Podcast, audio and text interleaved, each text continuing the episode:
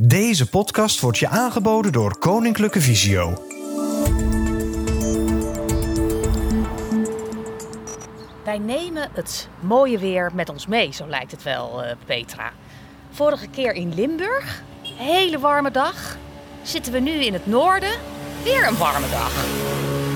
We hebben eigenlijk best wel een goede reis achter de rug. Alleen ehm, Theo die had ons het een en ander beloofd. Er zou een hele eh, aantrekkelijke winkelstraat eh, zijn geweest waar we doorheen eh, hadden kunnen lopen. Die hebben we helaas gemist. In plaats daarvan nou ja, nogal wat bedrijventerreinen. Maar uiteindelijk de locatie ehm, ja, bereikt. En daar staan we nu voor. Peet, wat, wat, wat vind je ervan?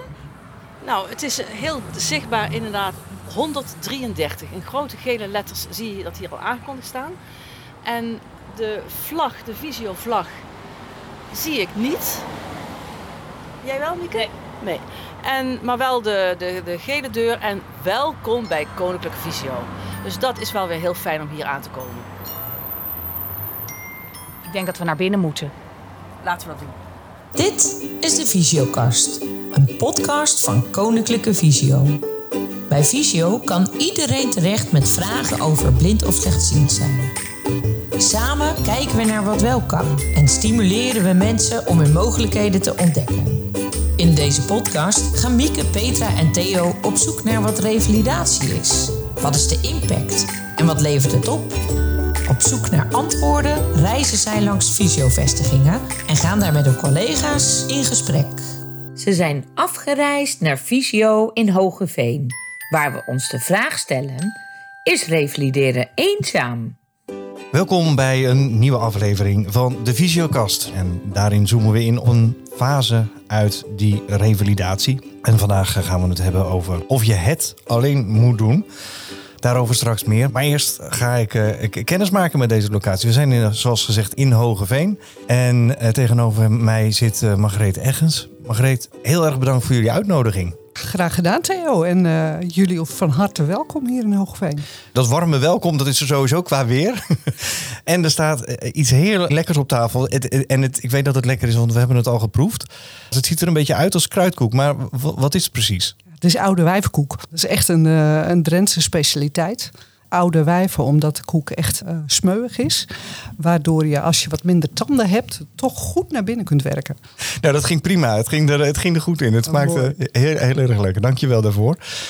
Ehm Hogeveen, kleine locatie. Ja. Met respect gesproken, hè? Nee, is een van de kleinste locaties in Noord. Wij bestaan eh, uit eh, een team van 16 medewerkers. We bieden hier over het algemeen eh, wel alle producten die Visio eh, over het algemeen biedt. Maar in een eh, kleine setting. Ja, en we- welk gebied bestrijken jullie? Nou, eigenlijk echt Drenthe, stukje Overijssel. En daar hebben we ook overlap met de locatie Leeuwarden, die ook een stukje in Overijssel zet. En daar eh, kijken we waar de cliënt ook de voorkeur heeft. We krijgen ineens het visioen van, de, van zo'n kaart van Nederland... dat we echt het noorden nu helemaal af kunnen strepen... omdat we daar alle vestigingen gehad hebben. Ja, wat goed. Ja. Hey, wa- wa- waar, waar zijn jullie in, hier in Hogeveen trots op? Behalve op de oude wijvenkoek. Wij zijn ontzettend trots dat wij als kleine locatie zo'n ontzettend hecht team met elkaar vormen. En dat heeft een relatie met elkaar. Wat merkt een cliënt daarvan? Het mooie is dat een cliënt ook merkt dat mensen op elkaar ingespeeld zijn. Dat als onze OTC-trainer een cliënt heeft en zegt zo van... Goh, nou, dat is even iets wat eh, mogelijk ook bij de ergotherapeut ligt. Weet je, ik zie eh, die ergotherapeut zo tijdens de lunch. Dan zal ik het even over hebben. En op die manier komt het ook weer direct terug bij de cliënt. Dus het zijn korte lijnen. Ja, mooi. Zijn er nog meer dingen waar je trots op bent? Ja, ik heb hier echt professionals zitten waarvan ik denk... je zou bij iedere andere organisatie zo aan de bak kunnen. Dat ze kiezen voor visio en die cliënt is het onderscheidend vermogen. Heel veel medewerkers zeggen tegen mij... het werken met die cliënt, dat is zo uniek. Deze cliënt, deze doelgroep, dat is waarom ik bij visio werk. Ja, mooi. Nou, Ja, dat is een, een compliment voor de doelgroep, vind ik. absoluut. Dankjewel hiervoor. We zien je straks aan het einde van de aflevering. Zien we nog even terug. Dan krijg je wat moois van ons. Wat wij dan weer van anderen hebben meegekregen. En eh, dan gaan wij nu in gesprek eh, over het thema... Moet je dit alleen doen?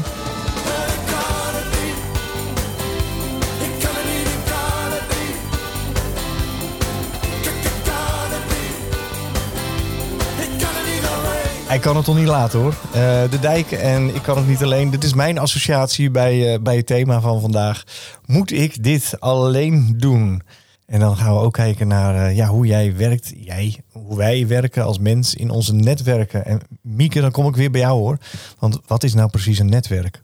Een netwerk, de omschrijving daarvan in het gewone woordenboek. Dat is een stelsel van nauw met elkaar verband houdende zaken of personen.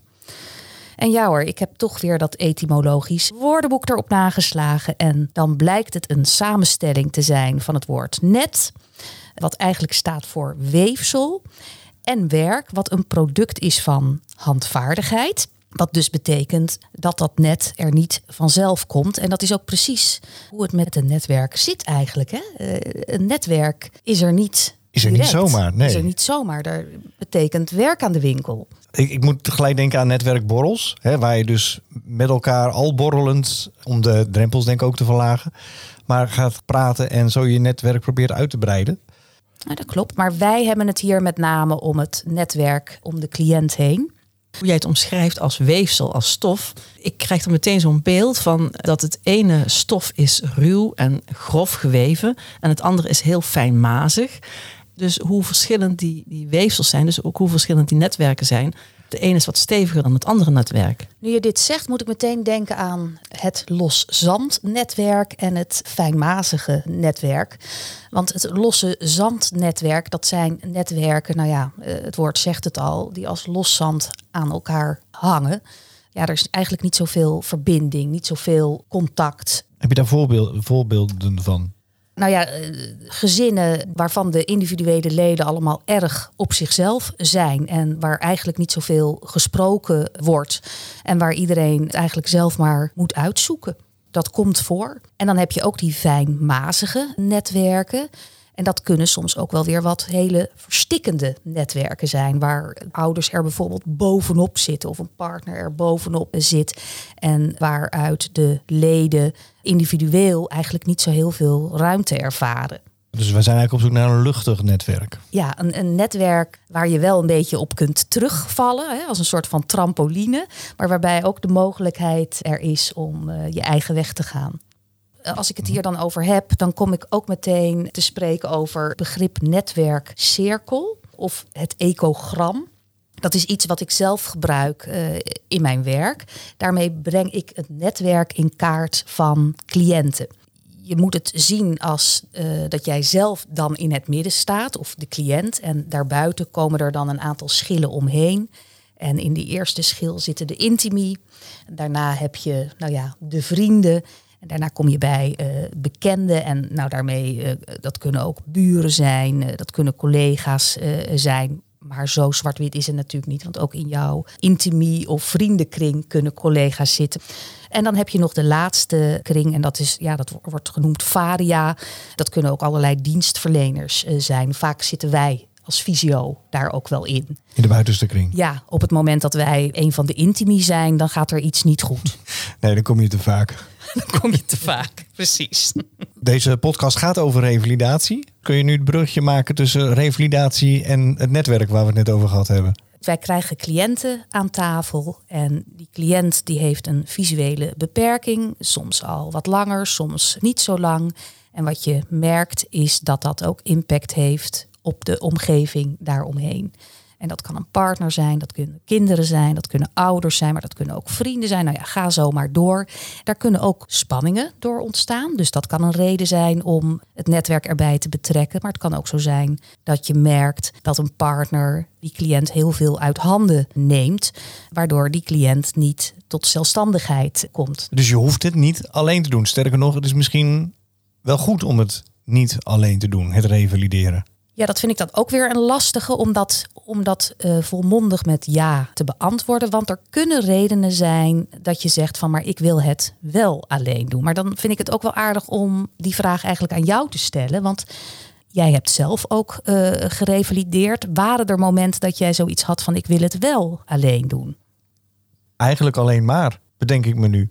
Omdat ik er eigenlijk nooit over heb nagedacht om mijn vrouw of om die mee te nemen. En dat, dat is denk ik in alle jaren, en ik heb nou, toch wel behoorlijk wat keren gerevalideerd, maar het is denk ik twee keer voorgekomen. En dat was dan nog op uitnodiging, omdat er dan een bijeenkomst was waar zij uitgenodigd werd samen met mij of ik met haar. Maar ik heb eigenlijk nooit uit mezelf bedacht van, we gaan eens samen. En hoe vind je dat nu achteraf bezien? Het is wat het is. Stel dat ik nu weer een revalidatietraject in zou gaan, weet ik niet of ik dan mijn vrouw dan wel zou betrekken. En betrekken doe ik wel uiteraard, maar het is meer dat ik dan thuis kom en dan zegt mijn vrouw, en hoe was het? En dan zeg ik vaak gewoon goed of ja, ging wel. Omdat ik op dat moment even eh, klaar ben hè, met de bijeenkomst waar ik dan vandaan kwam. En dan wil ik dat even verwerken. Maar dat is natuurlijk gewoon heel anders dan dat ze daar echt bij was geweest. Want wat, wat zouden redenen kunnen zijn om het alleen te doen? Nou, ik, ik bedenk me ineens dat ik het eigenlijk heel normaal vind om het alleen te doen. Ik ben aan het revalideren. En dat heeft er misschien mee te maken dat ik met die gedachte groot geworden ben. Want ja, het is jouw probleem, dus je gaat het ook zelf maar oplossen, om het heel plat te zeggen. Want ik, ik bedenk me eigenlijk de afgelopen zeven minuten pas van, nou ja, ik had, ik had, ik had er ook mee kunnen nemen. Maar ervaarde jij het ook als alleen jouw probleem? Ik ervaarde mijn eh, probleem op het gebied van eh, slechtziend zijn. Dat vond ik wel, en dat vind ik denk nog steeds mijn probleem. Dat wil niet zeggen dat ik dat alleen moet dragen. Maar ik ben denk degene die dingen moet aanpassen of veranderen of moet leren. Of, en dat, dat ligt allemaal bij mij. Dat moet ik zelf doen. Ik kan niet tegen iemand zeggen van, nou ja, weet je, ik moet stok leren lopen. Maar wil jij dat van me overnemen, want daar heb ik geen zin in. Maar ik hoef het niet alleen te doen omdat ik het niet met andere mensen zou willen delen. En ik denk wel dat ik, nou, als ik naar de afgelopen twintig jaar kijk, dat ik daar niet heel scheutig in gewe- geweest ben om het te delen met andere mensen. En wat, wat, wat is daar de reden van geweest? Het eerste wat bij me opkomt is misschien toch schaamte. Dat ik er niet heel trots op was dat ik een probleem had wat ik niet zelf kon oplossen. En eh, ja, nu ik erover nadenk, voelt revalideren voor mij ook wel als eh, eenzaam. Eh, de, de, de oorsprong daarvan ligt denk ik in mijn jeugd. Eh, zo rond mijn vierde kregen mijn ouders in de gaten dat ik eh, minder zag dan de bedoeling was. En kwam ik in een medische molen terecht. De doktoren in de jaren 70 waren vast heel bekwaam, maar gaven mij enorm het gevoel dat ik een medisch onderwerp was.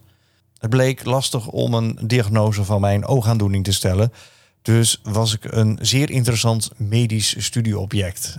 En als opgroeiend kereltje heb ik menige behandelkamer van binnen gezien, met voor mij op die leeftijd intimiderende en eh, onbegrijpelijke onderzoeken.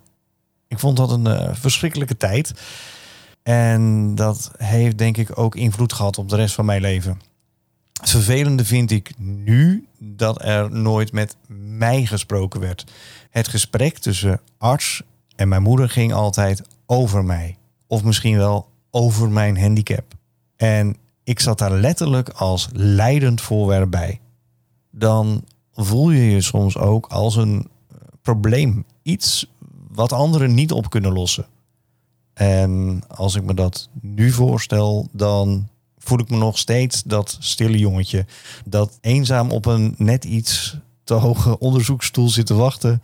tot hij de behandelkamer mag verlaten. Weg uit dat vervelende ziekenhuis. Ik voelde toen, ehm, uiteraard onbewust, dat ik een probleem had. Of misschien probleem was. Dat ik iets had dat de oogarts niet op kon lossen. En dat gaf me ook wel een schuldig gevoel. En als je dan elk half jaar of drie maanden weer in die wachtkamer zit en niemand kan je helpen, ja, dan zou dat zomaar de bron kunnen zijn dat ik ben gaan denken dat mijn visuele beperking mijn probleem is. Daar wilde en wil ik andere mensen niet mee lastigvallen. Dus ook niet met mijn revalidatie. En ik realiseer me dat ik dat tot aan nu doorvoer. Ik eh, revalideer alleen. Net zo, ja, eigenlijk net zoals mijn vrouw alleen naar de fysiotherapeut gaat. Het zit er bij mij zo ingebakken dat het bijna raar voelt om iemand mee te nemen. En daarbij, eh, ja, er zit ook het gevoel van schaamte. Of het gevoel dat ik er anderen niet mee lastig moet vallen. En ja, dat voelt eenzaam. Maar ik denk wel dat het eh, van meerwaarde kan zijn als mijn vrouw aanwezig zou zijn. Als ik bijvoorbeeld een gesprek met een maatschappelijk werker of een psycholoog heb. Maar ja, tot nu toe heb ik die gesprekken alleen gevoerd. Denk jij dat zo'n gesprek dan ook anders was verlopen op het moment dat zij erbij was geweest? Lastige vraag, maar ik kan me voorstellen dat ik mijn antwoorden anders zou formuleren als er een bekende naast me zit. Mijn ervaring is wel dat als je een goede vertrouwelijke band met een maatschappelijk werker of psycholoog hebt, dat ik dan opener ben en meer deel met hen als met mijn naasten. En bracht het je ook iets dat je het alleen deed? Ja. En wat? Nou, in ieder geval dat ik me volledig open durfde te geven. Dus ik durfde alles te zeggen wat op mijn tong kwam. Dat heeft me heel veel mooie inzichten gegeven. Bij jou lijkt het dus toch een soort van keuze te zijn geweest om het alleen te doen.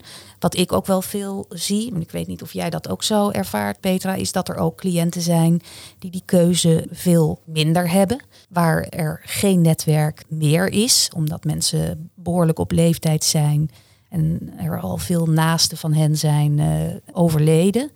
Of dat het netwerk dat er is, ja, kwalitatief niet zodanig is dat ze daar steun aan, uh, aan, aan ondervinden. En dan is het dus duidelijk geen keuze. Herken jij dat, uh, Petra? Ja, dat herken ik wel. En ik herken ook wel dat leven met een visuele beperking, dat het ook heel veel sombere gevoelens kan geven. En waardoor je ook weer meer terugtrekt. Hoe meer je terugtrekt, wil je ook niet meer zoveel delen met je omgeving. Dus dan krijg je zo'n neerwaartse spiraal. En dat is wel heel verdrietig om dat te bemerken, dat er toch veel somberheid is. En zoek naar eh, zingeving, daar hebben we natuurlijk ook wel eens vaker over gehad. Maar zingeving is ook zin in het leven hebben. En die zin in het leven hebben, die is makkelijker met meerdere mensen om je heen. En als je het ook makkelijker kunt delen. Dus het heeft heel erg met elkaar te maken. Ja. Dus hoe makkelijker je het kunt delen, hoe beter je in je vel zit, hoe groter vaak je netwerk ook is. Omdat mensen het ook fijn vinden om met jou te zijn en eh, nieuwe dingen te ondernemen. Eh, maar als je dan weer wat neerslachtiger bent, dan, dan is het ook, ook moeilijk om, om je te begeven in een eh, netwerk en te gaan delen en te vragen om hulp. En wat raad je dat soort cliënten dan aan? Waar, waar, waar, wij het ook steeds eigenlijk over hebben, met elkaar erover spreken, dat geeft gewoon heel veel inzicht. Dus het, het ventileren en het hardop nadenken van hoe, hoe doe ik dat eigenlijk? Wat je net ook zei van hoe zit dat netwerk eruit? De een heeft inderdaad een, een, een, los zand en de ander heeft een fijn mazig. En als je het daar al over hebt, dan geeft dat alweer zoveel inzicht. En ik denk, ja, maar ik wil eigenlijk ook wel een beetje een luchtig stofje of een luchtig vangnetje. En hoe ga je dat dan doen? Sluit je aan ergens bij of zoek weer een hobby of ja, waar word je blij van? En van het een komt dan weer het ander. En dat vind ik dan altijd wel weer mooi om te zien. Dat mensen uiteindelijk bijvoorbeeld toch weer vrijwilligerswerk gaan doen. Of ineens ook weer heel makkelijk in contact komen met anderen. Maar het is ook een stukje bewustwording. Van waar zit ik in? En ik hoef het niet alleen te doen. Sterker nog, als ik het alleen doe, uh, helpt het me niet verder.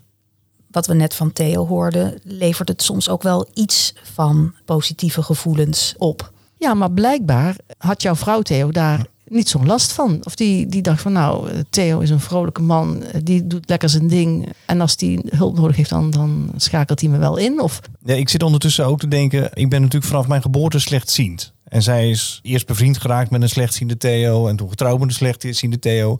Zij weet niet beter en ze weet ook dat ik veel dingen gewoon zelf oplos. Theo, jij geeft dus aan, ik heb het over het algemeen toch heel erg in mijn eentje gedaan. Er zijn wel momenten geweest dat je haar erbij hebt uh, betrokken. Zie jij ook voordelen van het toch te delen, die steun te vragen? En, en zijn er ook momenten dat je dat doet? Ja, want ik heb ook niet het gevoel dat ik het alleen heb gedaan. Ik heb natuurlijk wel dingen gedeeld. En wat zijn daar de voordelen van? Wat vond je daar plezierig van? Wat leverde het op? Nou, in ieder geval dat ik mijn verhaal kon delen. Ik weet nog dat ik even uit mijn huissituatie. Wij hebben het in de, in de woonkamer zo'n tafel staan. En mijn gezinsleden hebben nogal de gewoonte om daar van alles en nog wat op te leggen. Dus je ziet heel weinig tafelblad meer en heel veel andere dingen. Nou, heel veel andere dingen, dat geeft mij gewoon heel veel onrust, omdat ik vaak niet zie wat het is. De hele tafel ligt eigenlijk altijd vol, terwijl ik het heel fijn vind als in ieder geval de helft van die tafel gewoon leeg is. Dan kan ik denken, nou, daar is ruimte. En daar heb ik het toen ook over gehad met degene waar ik van Visio waar ik mee in gesprek was en wat tips meegekregen en die tips meegenomen naar huis en gedeeld met mijn gezin. En nou, als ik het nu heel kort samen moet vatten, zeiden ze een uur lang van ja, dat is wel heel serieus. Maar er is al nu nog niets aan die situatie veranderd. Die eettafel die is nog regelmatig flink gevuld. Nu kan ik natuurlijk mezelf de vraag stellen, is dat erg? Nee, uh, als ik eerlijk ben, vind ik die lege tafel prettig. Uh, maar ik heb er niet echt last van met als er allemaal spullen op liggen. En ik ben er ook van overtuigd dat geen van mijn gezinsleden dat met opzet doet. Maar aan de andere kant kun je ook afvragen waarom ze zo'n simpel verzoek niet serieus nemen. En ik denk dat de grens een beetje is als, als ik mij pijn doe aan dingen, dat ze dan wel meegaan in het verhaal. Ja, maar een tafel voorleggen met allemaal spullen, dat, is, dat, ja, dat vinden zij geen probleem. En dus eigenlijk voor mij ook niet. Waar we het ook steeds over hebben, is in, ehm, over dat netwerk. Hè? Alsof inderdaad degene met een visuele beperking uh, degene is met een probleem. Uh, en ik zou het ook zo graag eens om willen draaien. Want uh, wat brengt het bijvoorbeeld ook degene die met wie je samenwoont of je gezin, wat brengt het jullie aan meerwaarde om te leven met iemand met een visuele beperking? Ikzelf, als ik vaak terughoor uh, van cliënten als het gaat op, op het gebied van waarneming, dan kan ik daar zoveel ontzag voor hebben. Ik denk, oh, ik, ik ben veel oppervlakkiger in mijn waarneming. Dus dan denk ik, wat een rijke manier van waarnemen, die eigenlijk al zo vanzelfsprekend is voor heel veel mensen die slechtziend zijn. En ik denk ook, als je dan hoort van, van kinderen van mensen die slechtziend zijn, die uh, al veel meer uh, die waarneming, die andere manier van waarnemen, overnemen.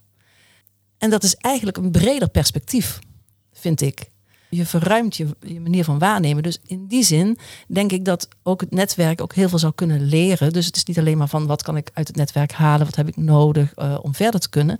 Maar andersom hebben mensen met een visuele beperking of de cliënt om, die binnen in dat netwerk zit, ook weer heel veel andere dingen te bieden. En het zou zo leuk zijn, ook als het heel goed gaat. Wat gaat er dan zo goed? En, en wat maakt dan dat jullie zo sterk zijn of juist sterker eruit voortgekomen zijn? Ja, we zouden van elkaar kunnen leren. Hè? Dus ja. meer uitwisselen en daar samen wijzer van worden. En waar jij mee begon, inderdaad, ik denk, en heb ik het vooral voor mezelf, ik vind nog steeds dat mijn visuele beperking mijn probleem is. En dan denk ik dus niet zo snel, wat kan ik toevoegen met mijn probleem? Dus ik vind het wel heel erg waardevol dat je dit benoemt, Petra. Het is een mooie positieve invalshoek ja, die ik niet gewend ben. Ik zie mijn slechtziendheid toch uh, eerder als last of iets om voor mezelf te houden. Maar goed, ja, dat levert dus niet zoveel op. Ik heb wel eens van die gesprekken waarbij dan uh, uh, de partner aan, aanschuift. Hè? Um, en wat ik dan zo bijzonder vind, is dat je ehm, bij zo'n gesprek aanwezig mag zijn. En dat er ineens ook gesprekken plaatsvinden die, als ik er niet bij was geweest, waarschijnlijk toch niet had plaats, hadden plaatsgevonden. En dat ligt niet zozeer aan mij, maar gewoon het feit dat er een neutraal iemand bij uh, zit. Want het lijkt toch heel lastig soms om dingen te bespreken met elkaar waar je je ongemakkelijk onder voelt. Of waarbij je denkt, als ik dat ga zeggen, dan wordt er waarschijnlijk zo op uh, gereageerd. Dus ik, ik, ik doe dat maar niet. En dat je dan ineens voor je uh, hen dit hoort bespreken. Dat je aan beide aangeeft van nou dat je je daar heel veel bij kunt uh, voorstellen. En op die manier ook gaat de, de, vraag voorlegt. En, en, en hoe, hè, hoe gaan jullie daar nu mee, mee verder? Dus wat kan gebeuren, zo, zo kan je ook, als je dan met elkaar, daarin met, met elkaar in gesprek gaat, kan dat ook een soort van verdieping geven binnen, binnen de relatie. Beide laten op zo'n moment meer hun kwetsbaarheid uh, zien. Blijkt toch heel vaak dat de een voor de ander denkt. En dat komt vaak voort uit zorg, de ander niet willen belasten. En op het moment dat dat wordt uitgesproken, ligt er ineens heel veel ruimte. En dat ja. vind ik heel mooi om daarbij aanwezig uh, te zijn. Ja, en ik denk dat een, inderdaad een neutraal persoon, ook uit eigen ervaring, dat hij daar echt een toegevoegde waarde voor is ik vertel natuurlijk ook thuis wel eens dat ik uh, s'avonds met een wijntje op de bank en dan zeg ik ja, ging allemaal niet zo lekker vandaag. Of nou, uh, roep even een gemiddeld probleem. Wat mijn vrouw dan doet, en dat bedoelt ze echt met de best, die gaat op zoek naar oplossingen. Maar dat hoeft helemaal niet. Ik wil gewoon even delen dat het niet zo goed ging.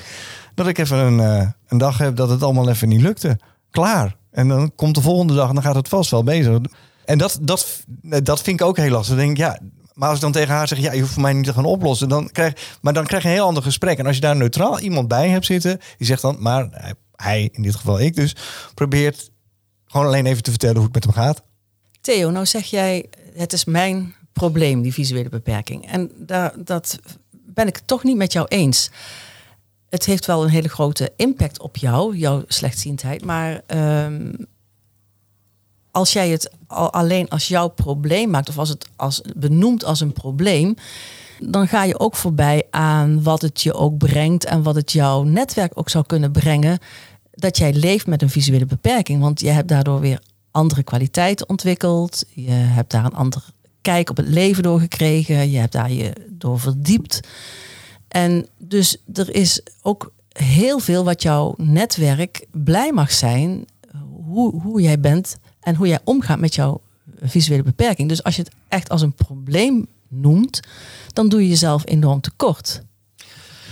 Ja, dat is heel lief dat je dat zegt, eh, Petra. En ik denk ook wel dat ik daar eh, dat dat klopt, hè, wat je zegt. Want ik, ik noem het mijn probleem en zo voelt het ook. Maar ja, ik, ik doe dat natuurlijk inderdaad niet alleen. Hè. Mijn gezin staat om mij heen. En zonder mijn gezin zou ik ook uh, minder sterk zijn. En ik zie ook wel inderdaad dat, dat vooral mijn kinderen, bij mijn kinderen zie ik dat terug. Nou, heel veel van de informatie die ik er ooit ingestopt heb en de, en de kennis, dat zij daar echt iets mee doen. Ik herken heel veel dingen die ik doe, ook in, in, in wat zij doen. In hun denkwijze, maar ook in het kijken naar andere mensen. En daarom is het ook zo jammer dat je het een probleem noemt, terwijl het, uh, terwijl het om iets anders gaat. Uh, het, het, is een, klein stukje van jou. Het gaat over de, de impact hè, van wat de, de, visuele beperking heeft. heeft. En het is niet alleen maar invloed die het heeft in negatieve zin, maar ook dus in positieve zin. En daar heb jij zelf mee eh, te dealen, maar daar speelt jouw gezin ook een, een, een rol in. Hè? Je doet dat samen met je gezin, want je leeft niet uh, in je eentje op een eiland. Kortom, uh, het is een soort van weefgetouw en die steeds opnieuw weer opnieuw geweven wordt. En soms heb je wat grovere materialen en weer fijnere materialen. En eigenlijk is het zo mooi dat het ook in beweging blijft. Doet mij heel erg denken aan netwerk. Dat je dan een netwerk aan het weven bent. Ja. Dat bedoel ik. Zullen we eens luisteren hoe onze ervaringsdeskundigen hier naar kijken?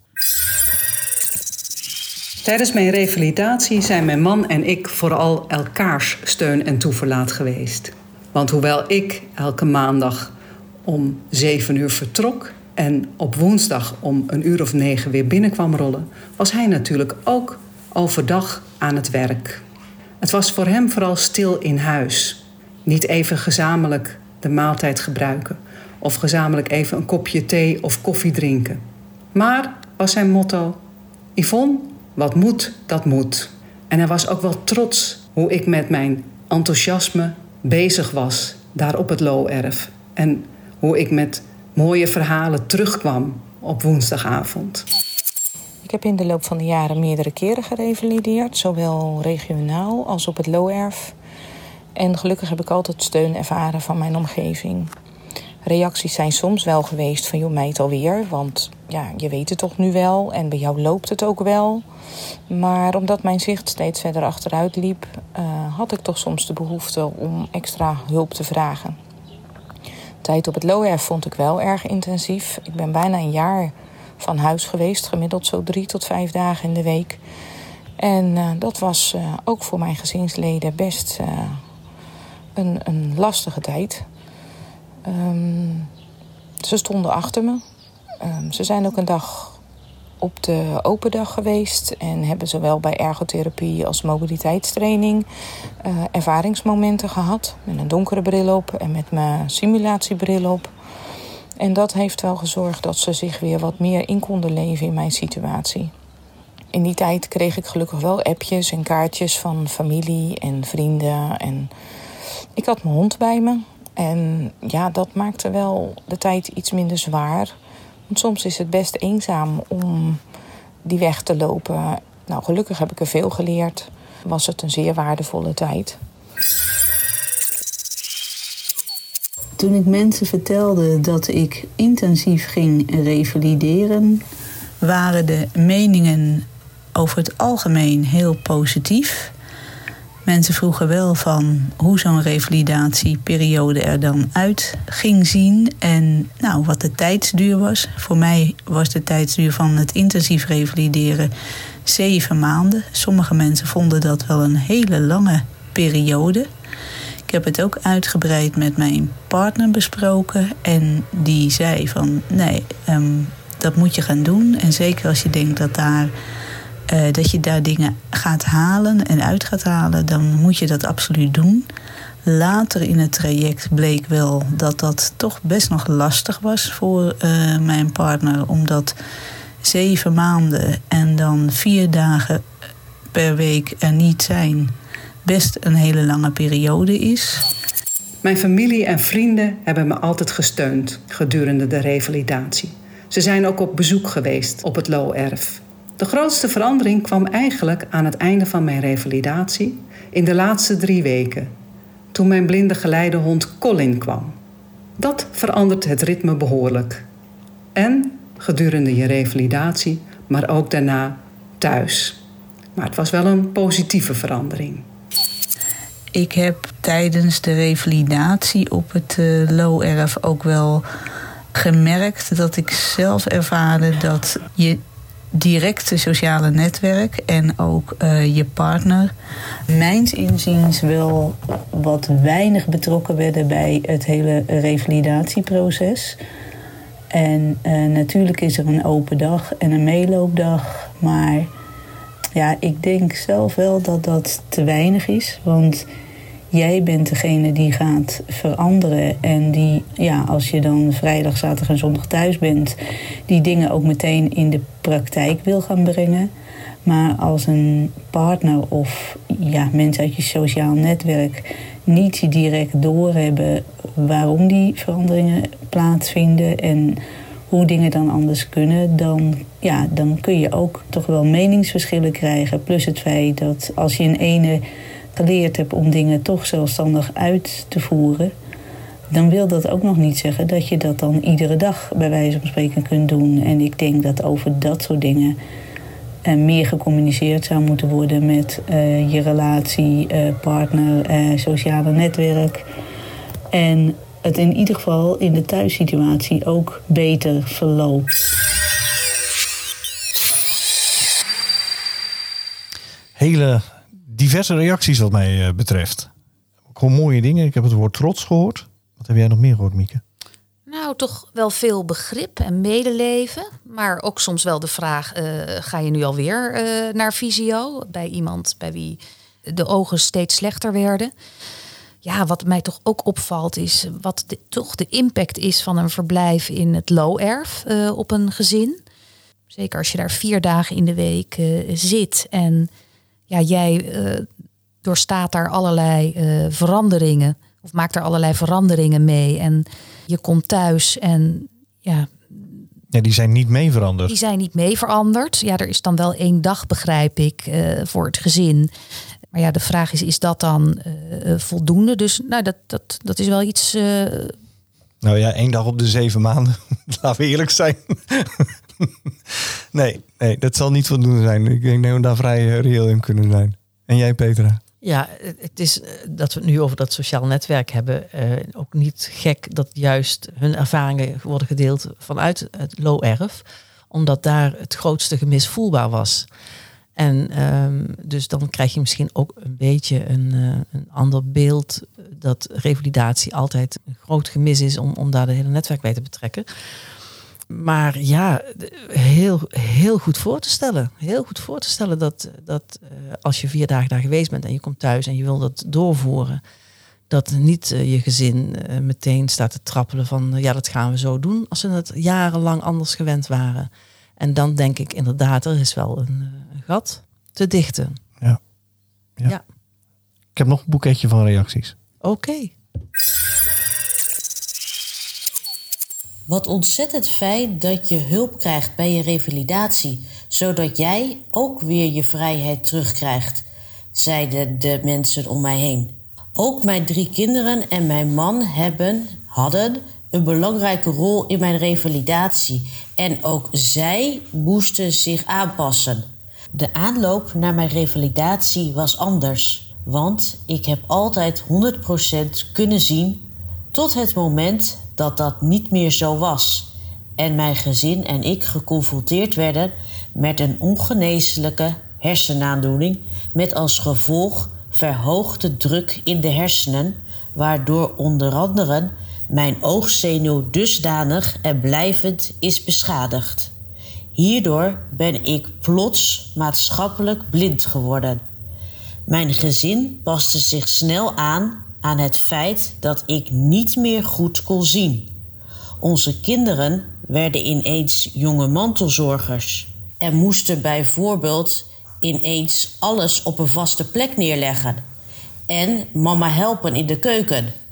Deze aanpassingen gingen eigenlijk heel natuurlijk, want zij snapte precies waarom dingen nu op een bepaalde manier moesten. Ik bewonder het aanpassingsvermogen van zowel mijn kinderen als mijn man. Ik heb het revalidatieproces doorlopen en we zijn er als gezin sterker uitgekomen. Ik denk ook dat je omgeving mee gaat veranderen en mee uh, moet veranderen als jij zelf ook gaat veranderen. Ik bedoel, je bent niet alleen in een, in een sociaal netwerk of in een omgeving. En als jij in een heel ander gedrag gaat vertonen, ja, dan moet, of de dingen heel anders gaat doen, want het klinkt negatief, maar het is natuurlijk heel erg positief. En dan denk ik wel dat ja, je omgeving daar ook over geïnformeerd moet worden of bij betrokken moet worden. Uh, ja, op zijn minst in ieder geval. Dus ja, dat, dat zijn wel, vind ik wel hele essentiële dingen. Dat dat, um, dat ook meegenomen wordt in een, uh, in een revalidatieproces. En ik heb zelf inderdaad ook een uh, simulatiebril. En ik weet nog dat ik die eerste keer die bril mee naar huis uh, nam. Toen was ik nog aan het revalideren. En mijn partner die bril opzette en die toen tegen mij zei... nee, die bril is niet goed. Jij, jij moet veel meer zien dan wat ik nu door die bril zie. Want je doet gewoon veel meer. En, en dat kan niet als je nu ziet. Dus toen heb ik wel uitgelegd van, ja, dat hij van goedziend in ene naar uh, heel slechtziend uh, ging. En dat dat voor mij ervaring en training was. Maar die reacties krijg ik meer. Ik gebruik die bril ook nog steeds. Als mensen echt aan me, van me willen weten, ja, maar wat zie je dan nog? Dan laat ik die mensen die bril wel eens opzetten. En ik begrijp ook wel de schrik, omdat, ja, het is voor een goedzin iemand gewoon niet voor te stellen van wat je ziet. En mensen hier in mijn directe omgeving, die zien mij natuurlijk toch nog wel uh, veel dingen doen. En als je dan in ene die bril opzet, dan kan je bijna niet begrijpen dat dat ook kan. Dus op zich vind ik de simulatiebril gewoon ook voor mezelf een prettig hulpmiddel om iets duidelijker te kunnen uitleggen van wat is nou mijn zicht. Ik heb tijdens mijn revalidatie heel veel steun kunnen ontvangen van mijn broers, mijn zusters en aangetrouwden, maar ook van mijn kinderen. Ze zijn namelijk allemaal een dag op het Loerf geweest, hebben een dag met mij mee kunnen draaien en kunnen zien wat ik daar doe en hoe het daar werkt. Ook hebben zij daar de simulatiebril kunnen opzetten. En dat was voor sommigen wel even schrikken. Ik denk dat het, het, belangrijkste wel is van mensen uit het netwerk van de slechtziende... dat je communiceert. Dingen niet als een stelligheid aanneemt. Hè? Dus als ik um, zeg, ja, maar goed, dat kan ik uh, met een, uh, ik noem maar wat, een 4 plus bril, kan ik dat nu nog wel even zo, een heel kort berichtje kan ik wel uh, doorlezen. Dat dat niet betekent dat ik dat iedere dag kan. Of dat ik een, een, wandeling van, van drie uur ga maken. Maar dat dat heel wisselend is. Van, dat dat te maken heeft met vermoeidheid. Wat heb je op de dag allemaal al gedaan? Ik denk dat het netwerk daar beter in geïnformeerd zou kunnen worden.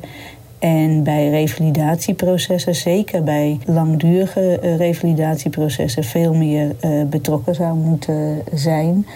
Als ik naar fysio ga omdat ik een uh, kappenbril of een loop nodig heb, dan hoeft mijn netwerk daar niet zo bij betrokken te worden. Maar gaat het om een balans vinden tussen inspanning en ontspanning en hoe verdeel ik mijn activiteiten over een week, dan denk ik dat het ook belangrijk is voor een partner of voor je sociale netwerk om te weten van oké, waarom worden die keuzes gemaakt, uh, waar kan ik rekening mee houden.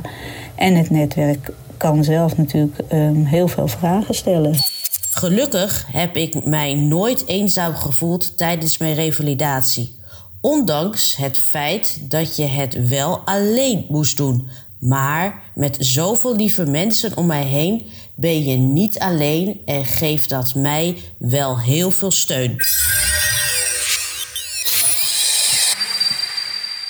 Ja, ik vond het vooral heel mooi om in dit stukje te horen over die mevrouw in het begin volgens mij. Die zei dat haar kinderen zo naadloos eigenlijk waren uh, mantelzorgers, mantelzorgertjes waren geworden. Dat is iets wat ik, wat ik wel herken. Zeg maar. Mijn kinderen zijn ook hele goede mantelzorgers. En die weten echt bijna op het juiste moment aan te geven of er iets, eh, of aan te voelen of er iets is met mij waarbij ze me moeten helpen. Dus uh, de jeugd heeft de toekomst dan uh, dat betreft. Nou, wat ook wel weer mooi was, dat die waarde van de simulatiebril nog eens onderstreept werd met de nodige kanttekeningen overigens. Want ja, het blijft een simulatiebril, dus een precieze weergave van wat degene die slecht ziet echt ervaart. Ja, dat, dat, dat is er bij benadering. En daarnaast, wat uh, een van de ervaringsdeskundigen ook vertelde in haar verhaal, uh, zij is langzaam gaan wennen aan het minder uh, goed gaan zien, terwijl haar man van goedziend ineens naar heel slechtziend gaat. En dat is dan nogal een, een overgang. En, en, en wat ik ook een mooie vond, dat wordt dan even gezet, hebben wij ook al een paar keer besproken, hè, belang van communicatie ja, um, we moeten het allemaal uh, bespreekbaar maken, maar er is eigenlijk niks moeilijkers dan met elkaar dingen bespreken. En zeker um, wanneer je al wat langer met elkaar uh, getrouwd bent, sluipen er toch bepaalde communicatiepatronen in. En dan is dat goed communiceren met elkaar helemaal niet zo gemakkelijk. Dus um, soms kan het helemaal geen kwaad om daar ook wat ondersteuning bij te vragen.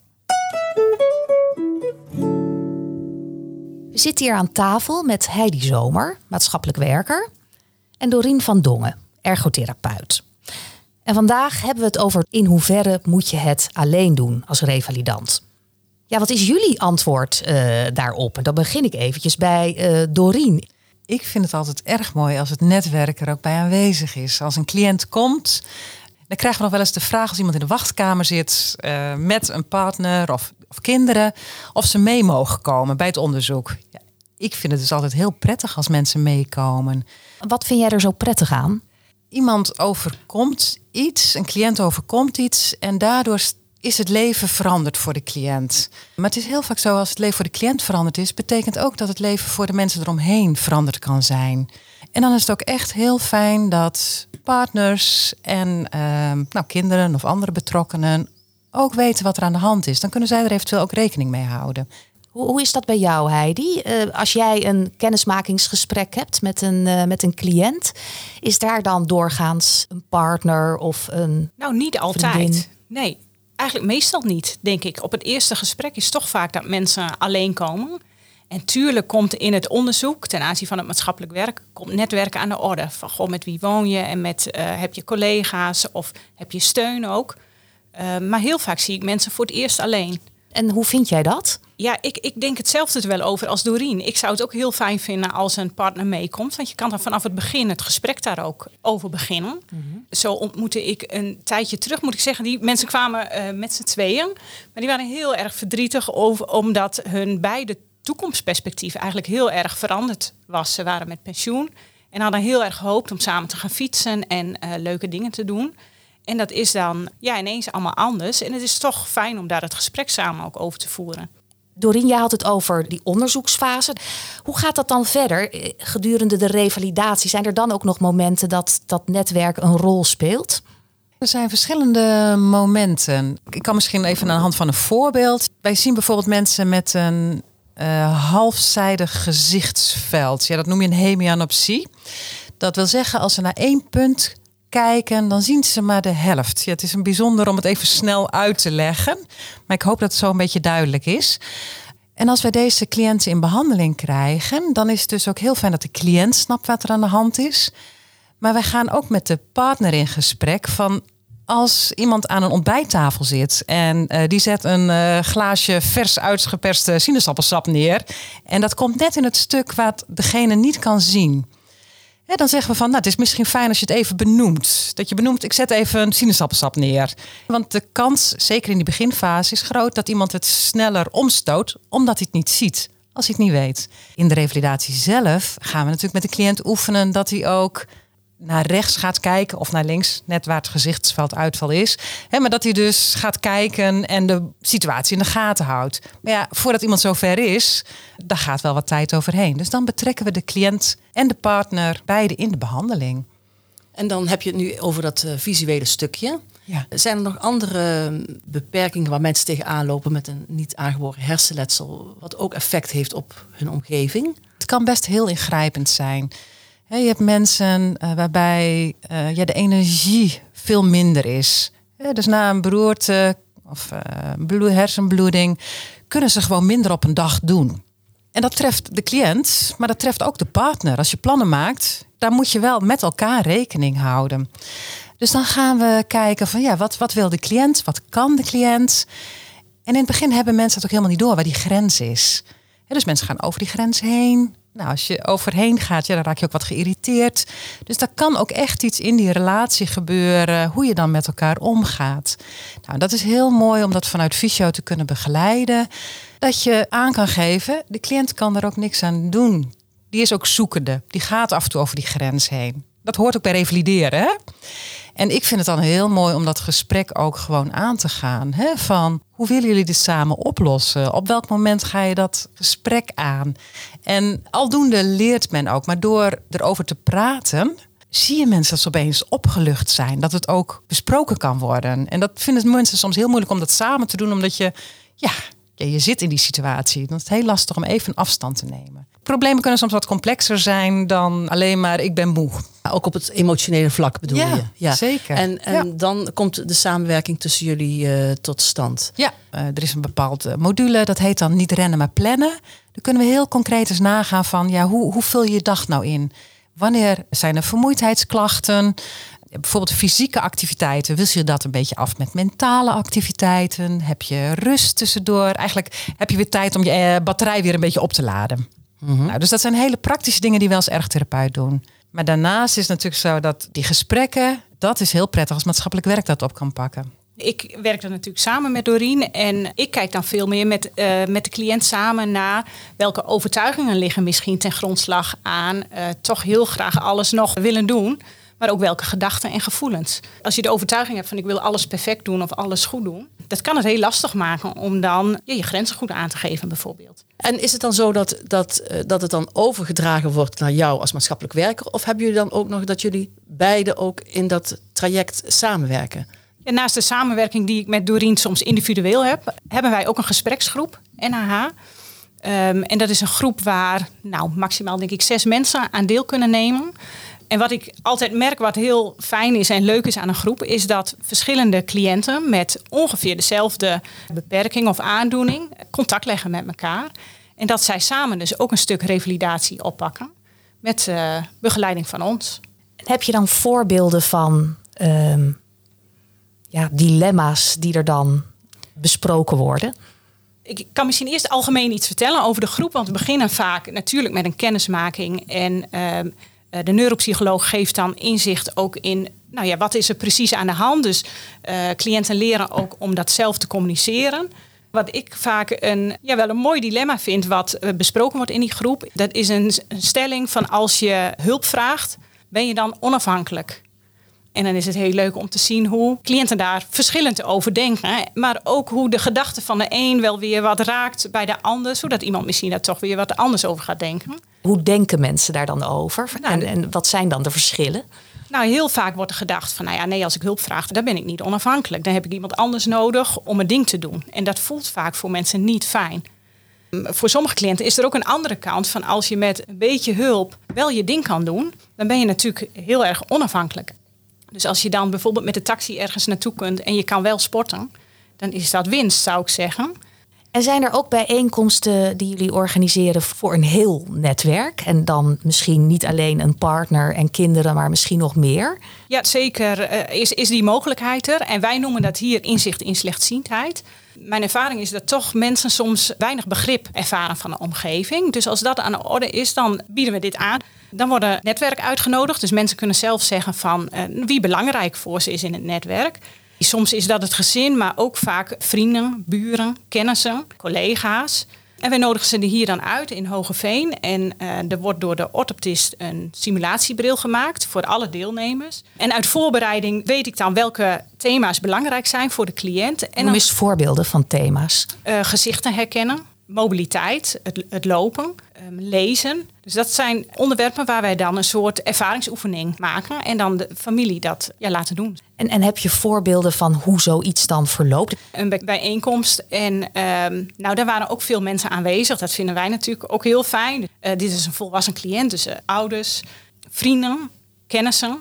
En in groepjes doen we dan die ervaringsoefeningen. Ik weet dat wij foto's hebben opgehangen van bekenden van hun, maar ook bekende Nederlanders bijvoorbeeld. En dat je dan in het groepje kijkt van, goh, van welke afstand herken je nou iemand? Van lukt dat van deze afstand? Of moet je toch een aantal passen vooruit doen? Heb je voorbeelden van uitkomsten van, van, van dit soort bijeenkomsten? Wat, hè, dat je echt merkt van nou, er is wel een stap genomen vandaag. Door het inzicht te geven eigenlijk aan de omgeving, want die heeft eigenlijk geen idee wat de persoon nou precies ziet.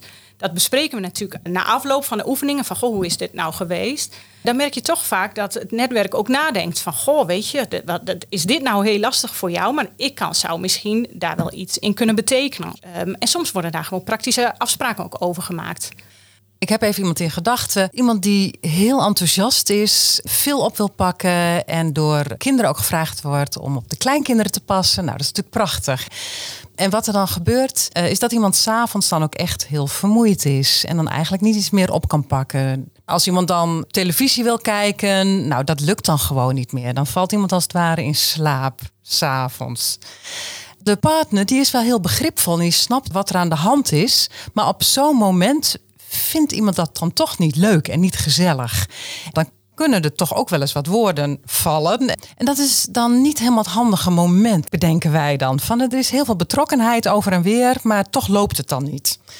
En als je het dan op een ander moment voert, komen mensen dan toch weer beter bij elkaar. En dan is het toch mooi dat er uiteindelijk door die gesprekken dat mensen dan keuzes misschien toch nog weer eens wat anders gaan maken. En dat ze dus uiteindelijk s'avonds een film kunnen kijken. Maar dat die film dan niet in één keer wordt gekeken. Maar dat ze dan een half uurtje, dan even een kopje koffie zetten. Even een pauze en daarna weer een half uurtje. En zo die avond beter doorkomen.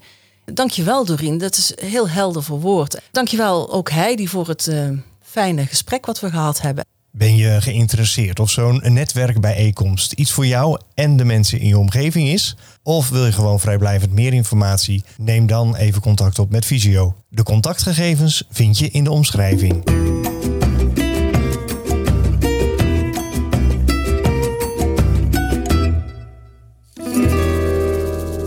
Kijken naar wat wel kan.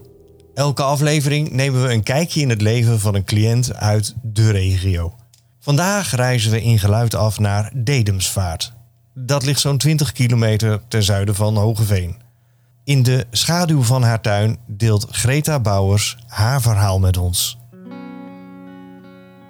Hallo, mijn naam is Greta Bouwers en ik ben 38 jaar oud.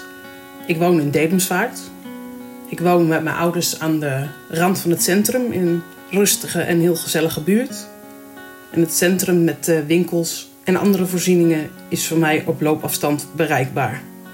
Mijn visuele beperking is ongeveer 5,5 jaar geleden ontstaan doordat een hersentumor zorgde voor te veel druk in mijn hoofd. Hierdoor kwam de oogstzenuw in de verdrukking en is beschadigd. Dit houdt voor mij in dat ik een forse gezichtsveldbeperking heb, alsof ik door een brievenbus kijk. Dus aan de bovenkant, onderkant en zijkanten mis ik een deel. En mijn restvisus is 6%. De tumor is gelukkig succesvol verwijderd en verder heb ik er niets aan overgehouden. Wat ik het moeilijkst vond en wat me ook veel verdriet heeft gedaan, is dat ik door deze visuele beperking mijn werk in de verstandelijk gehandicaptenzorg moest opgeven en dat ik volledig werd afgekeurd. En natuurlijk was het ook pittig om te leren omgaan met deze visuele beperking en het accepteren hiervan. In het begin liep ik letterlijk, maar zeker figuurlijk tegen veel dingen aan.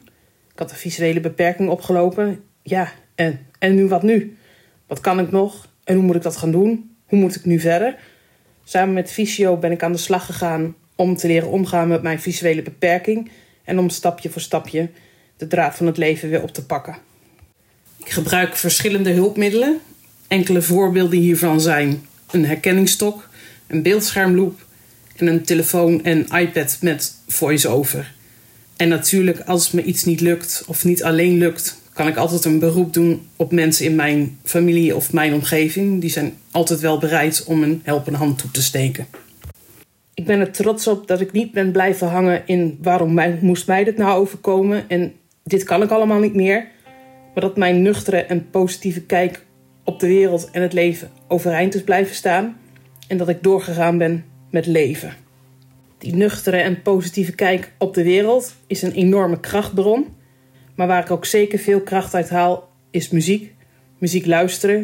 Ik heb een uitgebreide muzieksmaak. En van allerlei stijlen vind ik leuk. Maar ook een grote passie is accordeon spelen. Dit deed ik altijd al voordat ik een visuele beperking opliep. En ik ben er super trots op dat ik af en toe weer mee kan spelen met het orkest. Doordat het me lukt de muziekstukken uit mijn hoofd te leren. Waar ik ook veel voldoening uithaal is mijn vrijwilligerswerk bij de Luisterlijn. Dat ik een luisterend oor kan en mag zijn voor mensen die het even moeilijk hebben. Het doen van dit vrijwilligerswerk gaf en geeft mij het gevoel dat ik nog wat kan betekenen in deze maatschappij. Dat ik ondanks mijn visuele beperking ook nog meedoe. Doordat ik mijn visuele beperking op latere leeftijd heb opgelopen, heb ik veel van mijn toekomstdromen aardig kunnen verwezenlijken. En misschien is het mooi wel dat ik nu opnieuw kan en mag dromen over een toekomst.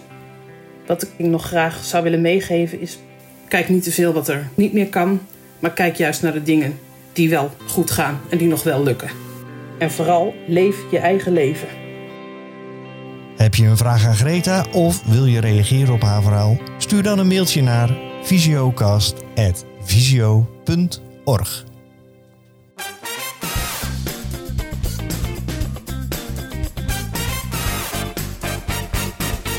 En ook na de zomer zit ze zelfs helemaal gebruind tegenover me aan tafel. Petra. Wat weet je van Het belang van netwerken. Netwerken kun je niet alleen doen. Daar zijn meerdere mensen bij betrokken. Het impliceert dat je als mens onderdeel van een groter geheel bent en dat je elkaar nodig hebt. En het woord zegt het al, je moet hier zelf aan werken. Je zult merken dat mensen iets voor je kunnen betekenen en het is natuurlijk belangrijk dat je iets terugdoet voor die ander. Neuropsychiater en hoogleraar Theo Kompernolle, auteur van onder andere Stress, Vriend en Vijand, legt uit dat mensen van nature kuddedieren zijn. Om goed te functioneren hebben we ook nu nog een stam nodig. Een sociaal netwerk van familie, vrienden, buren en collega's. Zo'n stam geeft een gevoel van verbondenheid. Je weet dat je er niet alleen voor staat.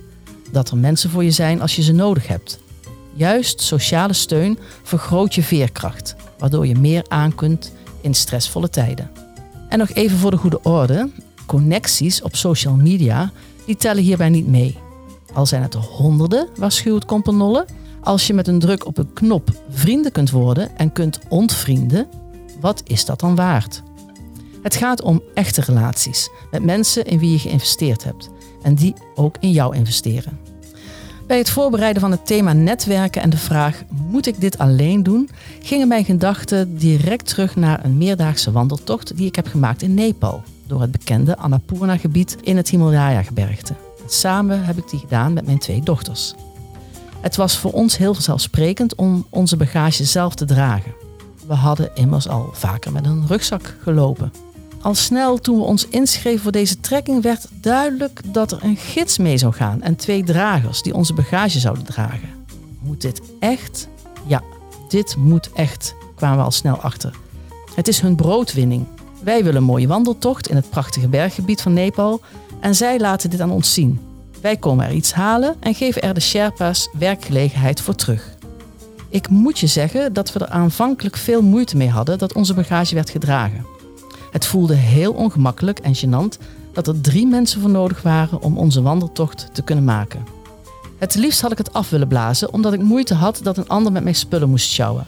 Ik moest dat uit handen geven en me aanpassen aan andere regels binnen een ander netwerk. En al snel werd duidelijk dat het best een zware tocht was. Veel klimmen, ook op een hoogte waar de lucht steeds eiler werd. Dus ook wel erg fijn dat er hulptroepen waren en ik het niet alleen hoefde te doen. De gids die goed Engels sprak vertelde dat er weinig werkgelegenheid is en dat zij leven van het begeleiden van de trekkings in het Himalaya-gebergte. Het geld wat zij verdienen wordt verdeeld in de gemeenschap waar ze wonen. Zij onderhouden hiermee dus vele gezinnen. Er is een groot sociaal netwerk nodig in Nepal om iedereen in levensonderhoud te voorzien. Ook omdat ze vanuit overheidswegen niets hoeven te verwachten. En wij hebben een onvergetelijke reis gemaakt met dank aan de gids en dragers uit Nepal. Alleen hadden wij dit niet gekund. En om maar weer eens met Loesje te spreken, je eigen ding doen, hoeveel mensen heb je daarbij nodig?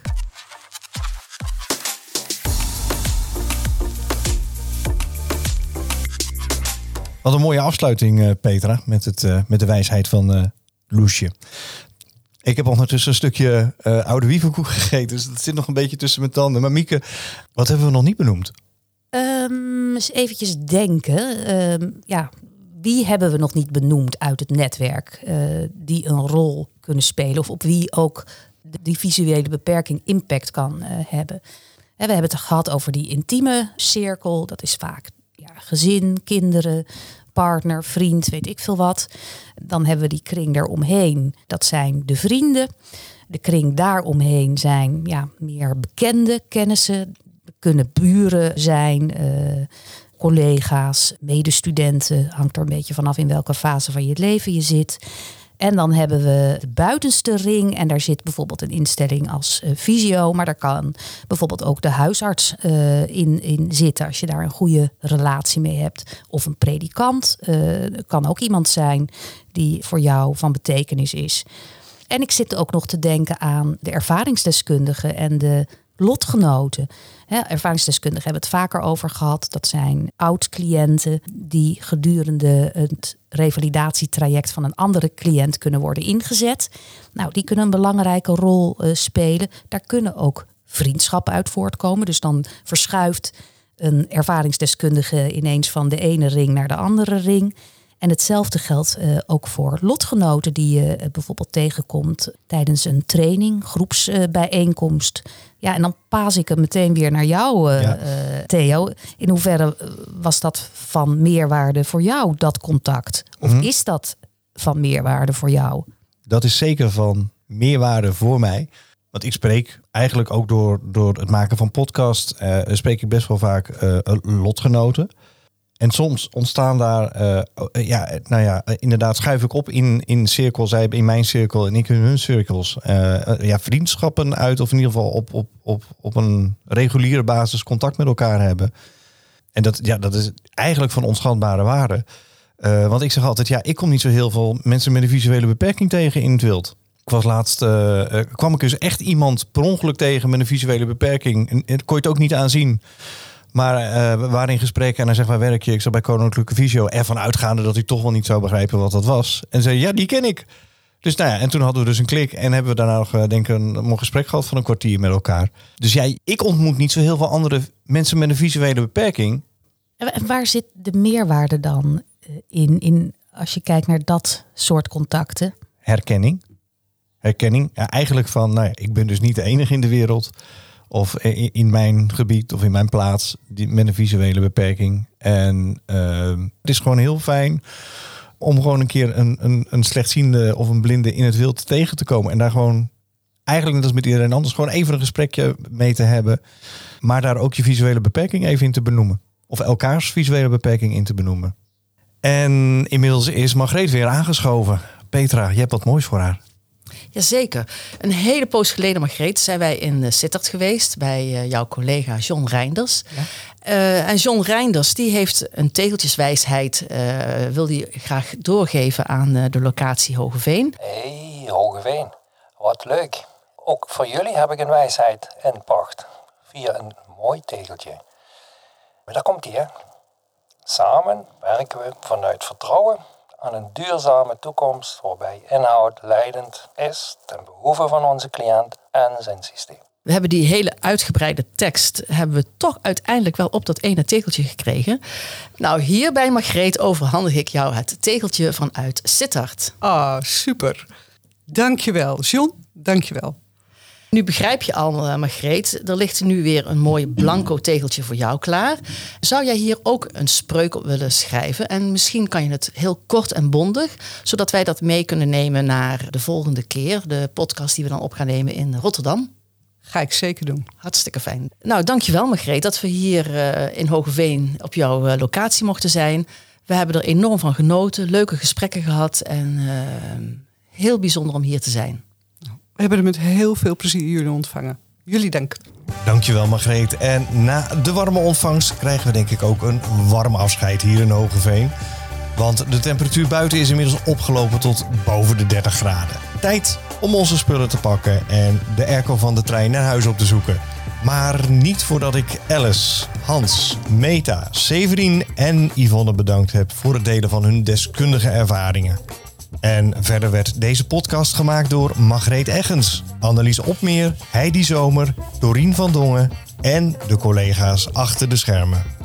Volgende maand zijn we te gast bij Visio in Rotterdam. En dan verdiepen we ons in hoe confronterend revalidatie kan zijn. Want revalideren is vallen en opstaan, voor jezelf kiezen en dat kan behoorlijk confronterend zijn, weet ik uit ervaring. Wil je alvast een confrontatie met ons delen of heb je tips of tops voor ons? Mail dan naar visiocast.visio.org. Meer info over de mogelijkheden van revalidatie en ondersteuning en hoe je met Visio in contact kunt komen, hoor je over nog geen 10 seconden van collega Yvonne. We hopen dat je met plezier geluisterd hebt en vanuit Hogeveen wensen we je alle goeds en tot de volgende Visiocast. Dit was de Visiocast. We zijn benieuwd naar je reactie en kijken uit naar je mailtje. Ons mailadres is visiocast.visio.org, waarbij je visio met een V van Victor en kast met de C van Claudia schrijft. Meer informatie over Visio vind je op visio.org of bel met 088 585 8585. Daar beantwoorden onze collega's je vragen of bespreek je met elkaar welke mogelijkheden er voor je zijn. Op het Visio Kennisportaal vind je informatie, tips en artikelen over uiteenlopende onderwerpen. Bezoek ons dag en nacht via kennisportaal.visio.org of bel tijdens kantooruren met de Kennisportaal Helpdesk op 088 585 5666 of mail naar kennisportaal.visio.org. Koninklijke Visio. Samen kijken naar wat wel kan.